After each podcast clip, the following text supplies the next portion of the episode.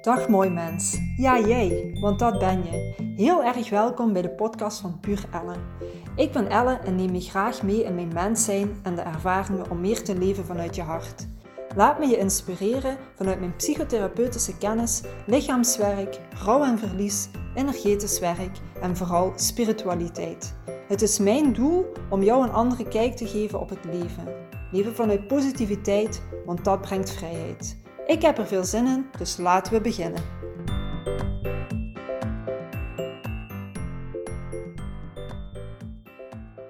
Dag lieve mensen, hier ben ik dan met mijn allereerste podcast.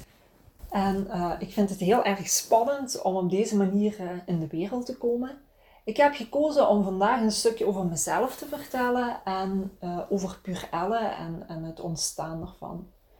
Je moet weten, um, rond mijn achttiende ben ik bij mijn ouders weggegaan en ik had toen helemaal niks. Ik had geen diploma, ik had mijn, mijn kleren en mijn ervaringen van het leven. En op mijn achttiende kwam ik ook uh, het beste tegen in mijn leven wat ik ooit heb gekregen en dat was Nick. Nick, mijn lieve man, mijn zielsmaatje, degene die eigenlijk nog steeds naast me staat. En rond die tijd ben ik vooral uh, ben gaan werken in het fabriek. Heel veel mensen weten dat niet van mij, maar ik heb gewerkt in, uh, in het watermatrassenfabriek. Daar heb ik echt watermatrassen in elkaar gelast. En na een tijdje was ik het daar moe.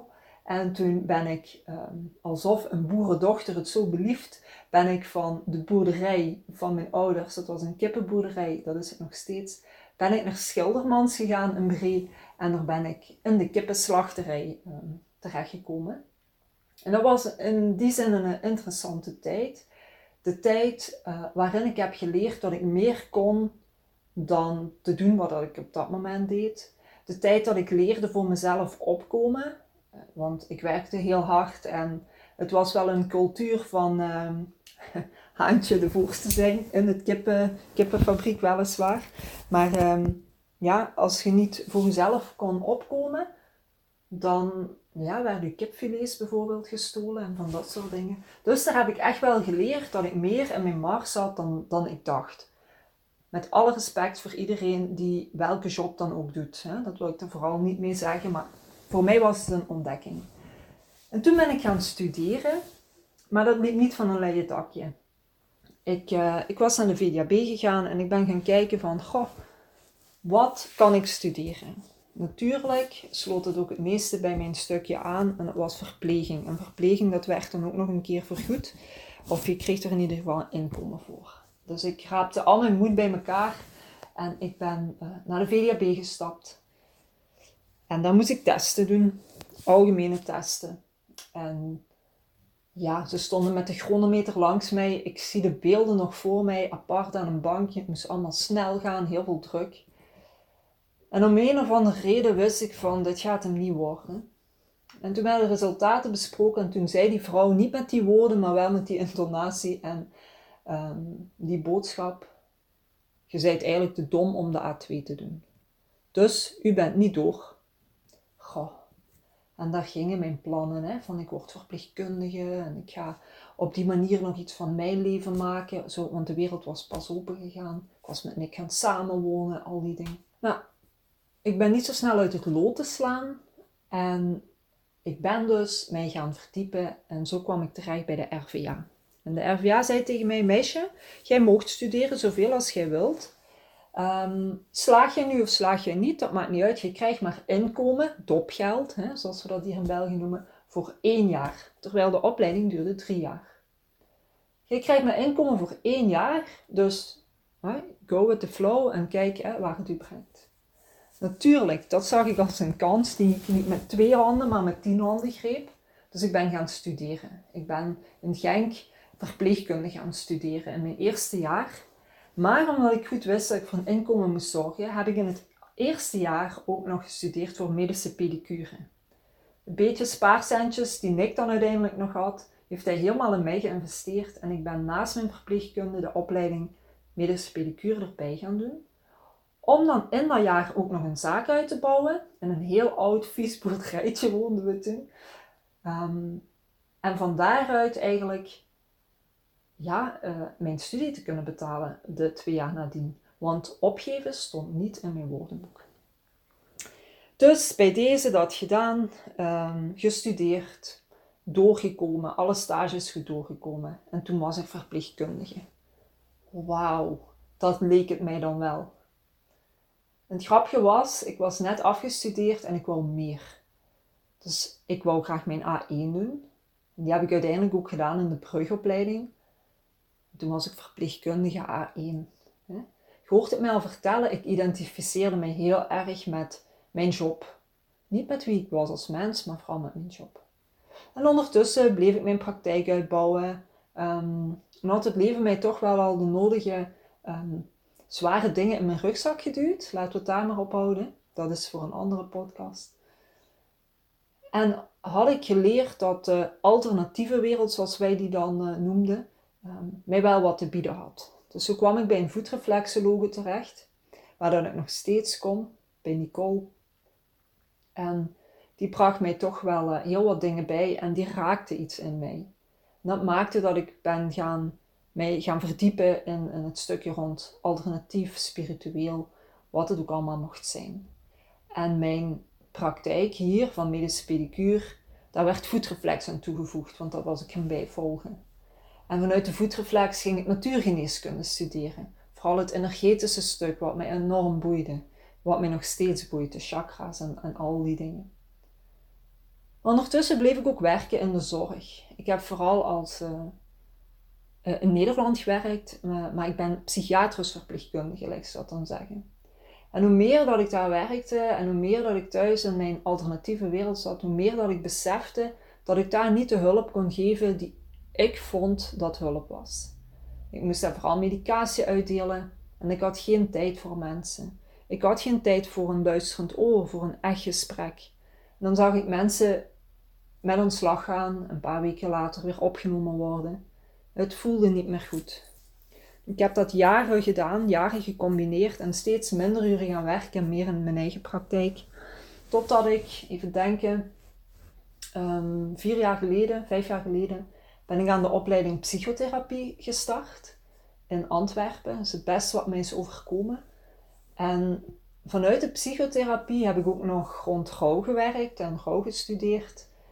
En ja, daar viel alles op zijn plaats. Daar kwam zowel het psychische als het alternatieve samen.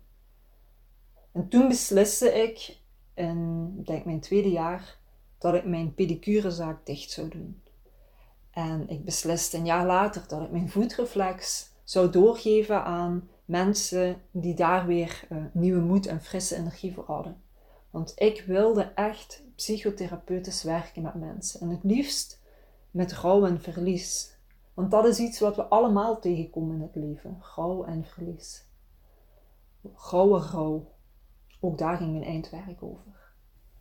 En zo ontstond Puur Elle, waar dat ooit de, het logo op mijn lotusbloem was, ontstond vorig jaar een nieuw logo. Een gouden bal met de letters P en E. En iemand maakte mij attent op de letters P en E dat het ook wel leek op een hartslag. En het interessante is, de gouden bol staat voor mij als het centrale thuiskomen. En de letters P en E die komen een beetje uit de bol met het idee, je bent alleen op pad. We komen hier samen om dingen te onderzoeken voor jezelf en je loopt er verder. Dus Puur Elle is ontstaan eigenlijk vanuit mijn eigen processen, vanuit mijn eigen rugzak, vanuit van betekenis willen zijn, vanuit mijn zielspad te volgen. En het interessante is gewoon dat daar ook ja, spiritualiteit daar een hele grote noemer in, in uh, beklijft bij mij. Um, spiritualiteit is voor mij niet zoiets losstaand. Het is gewoon iets wat er altijd is. Net zoals er een lichaam is, een hoofd is, dat er de aarde is, is er ook spiritualiteit. En spiritualiteit is iets moois als je het je eigen kunt maken. Maar zorgt ook voor uh, diepe dalen en mooie hoogtes, hè, lijkt we zeggen. Want het wil zeggen dat je in contact gaat met jezelf. Maar even terug over uh, Pur Elle. Pur Elle is dus ontstaan vanuit het idee dat ik iets wil betekenen. En vroeger, heel vroeger, dacht ik dat dat een, uh, een wellnesscentrum zou worden. Want wat jullie misschien nog niet van mij weten, ik heb ook ooit kunstnagels gestudeerd om die te zetten. En het grapje was dat ik de kunstnagelstyliste was, waarschijnlijk de enigste in de buurt, die zelf geen kunstnagels droeg.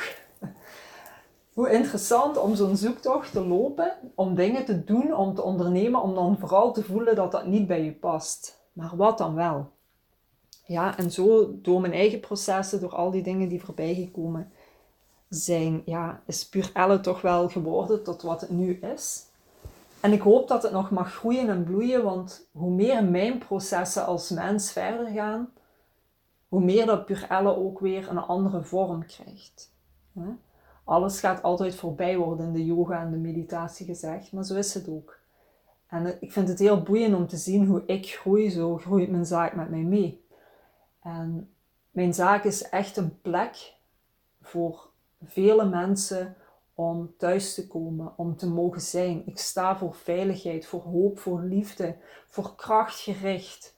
Um, en ik doe dat vanuit liefde, maar ook vanuit confrontatie. Maar altijd als basis de liefde. En daarom ook puur Elle. Ik denk dat ik geen andere naam kon bedenken voor wie ik ben. Ik ben in mijn zaak gewoon puur Elle.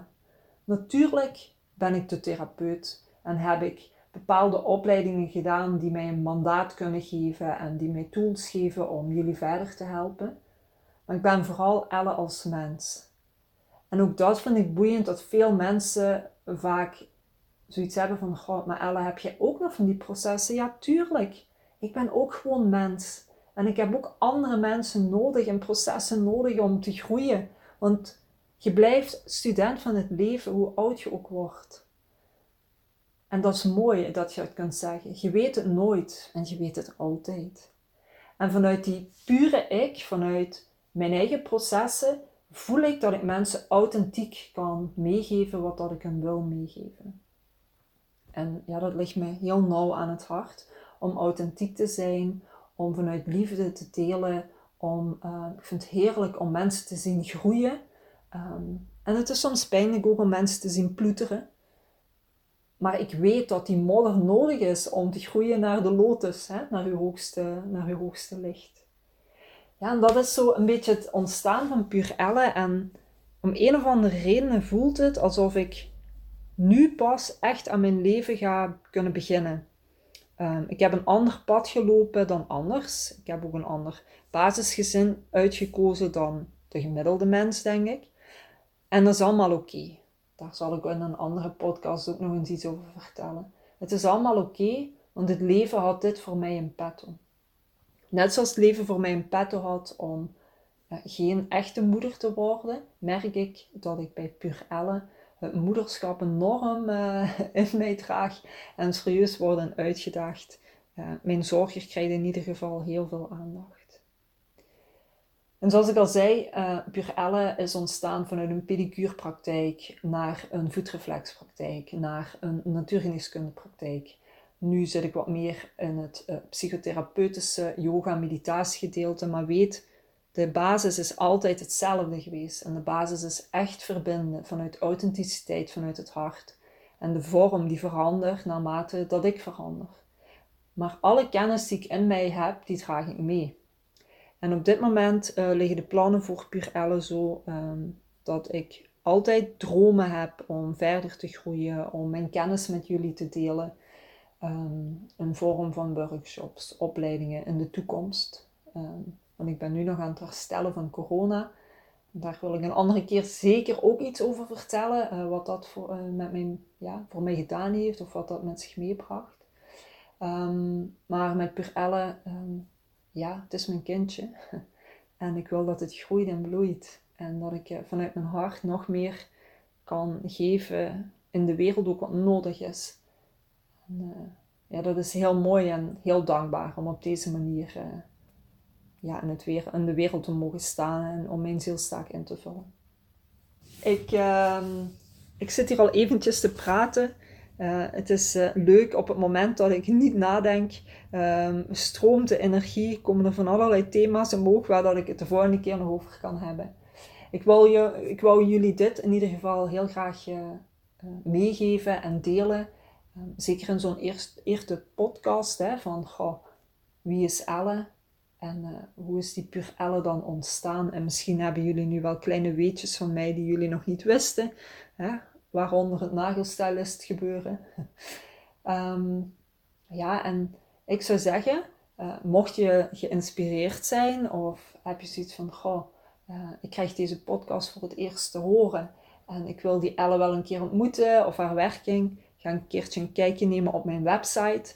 Weet heel even, puur, dat schrijf je P-U-R-E, streepje in het midden en dan Elle.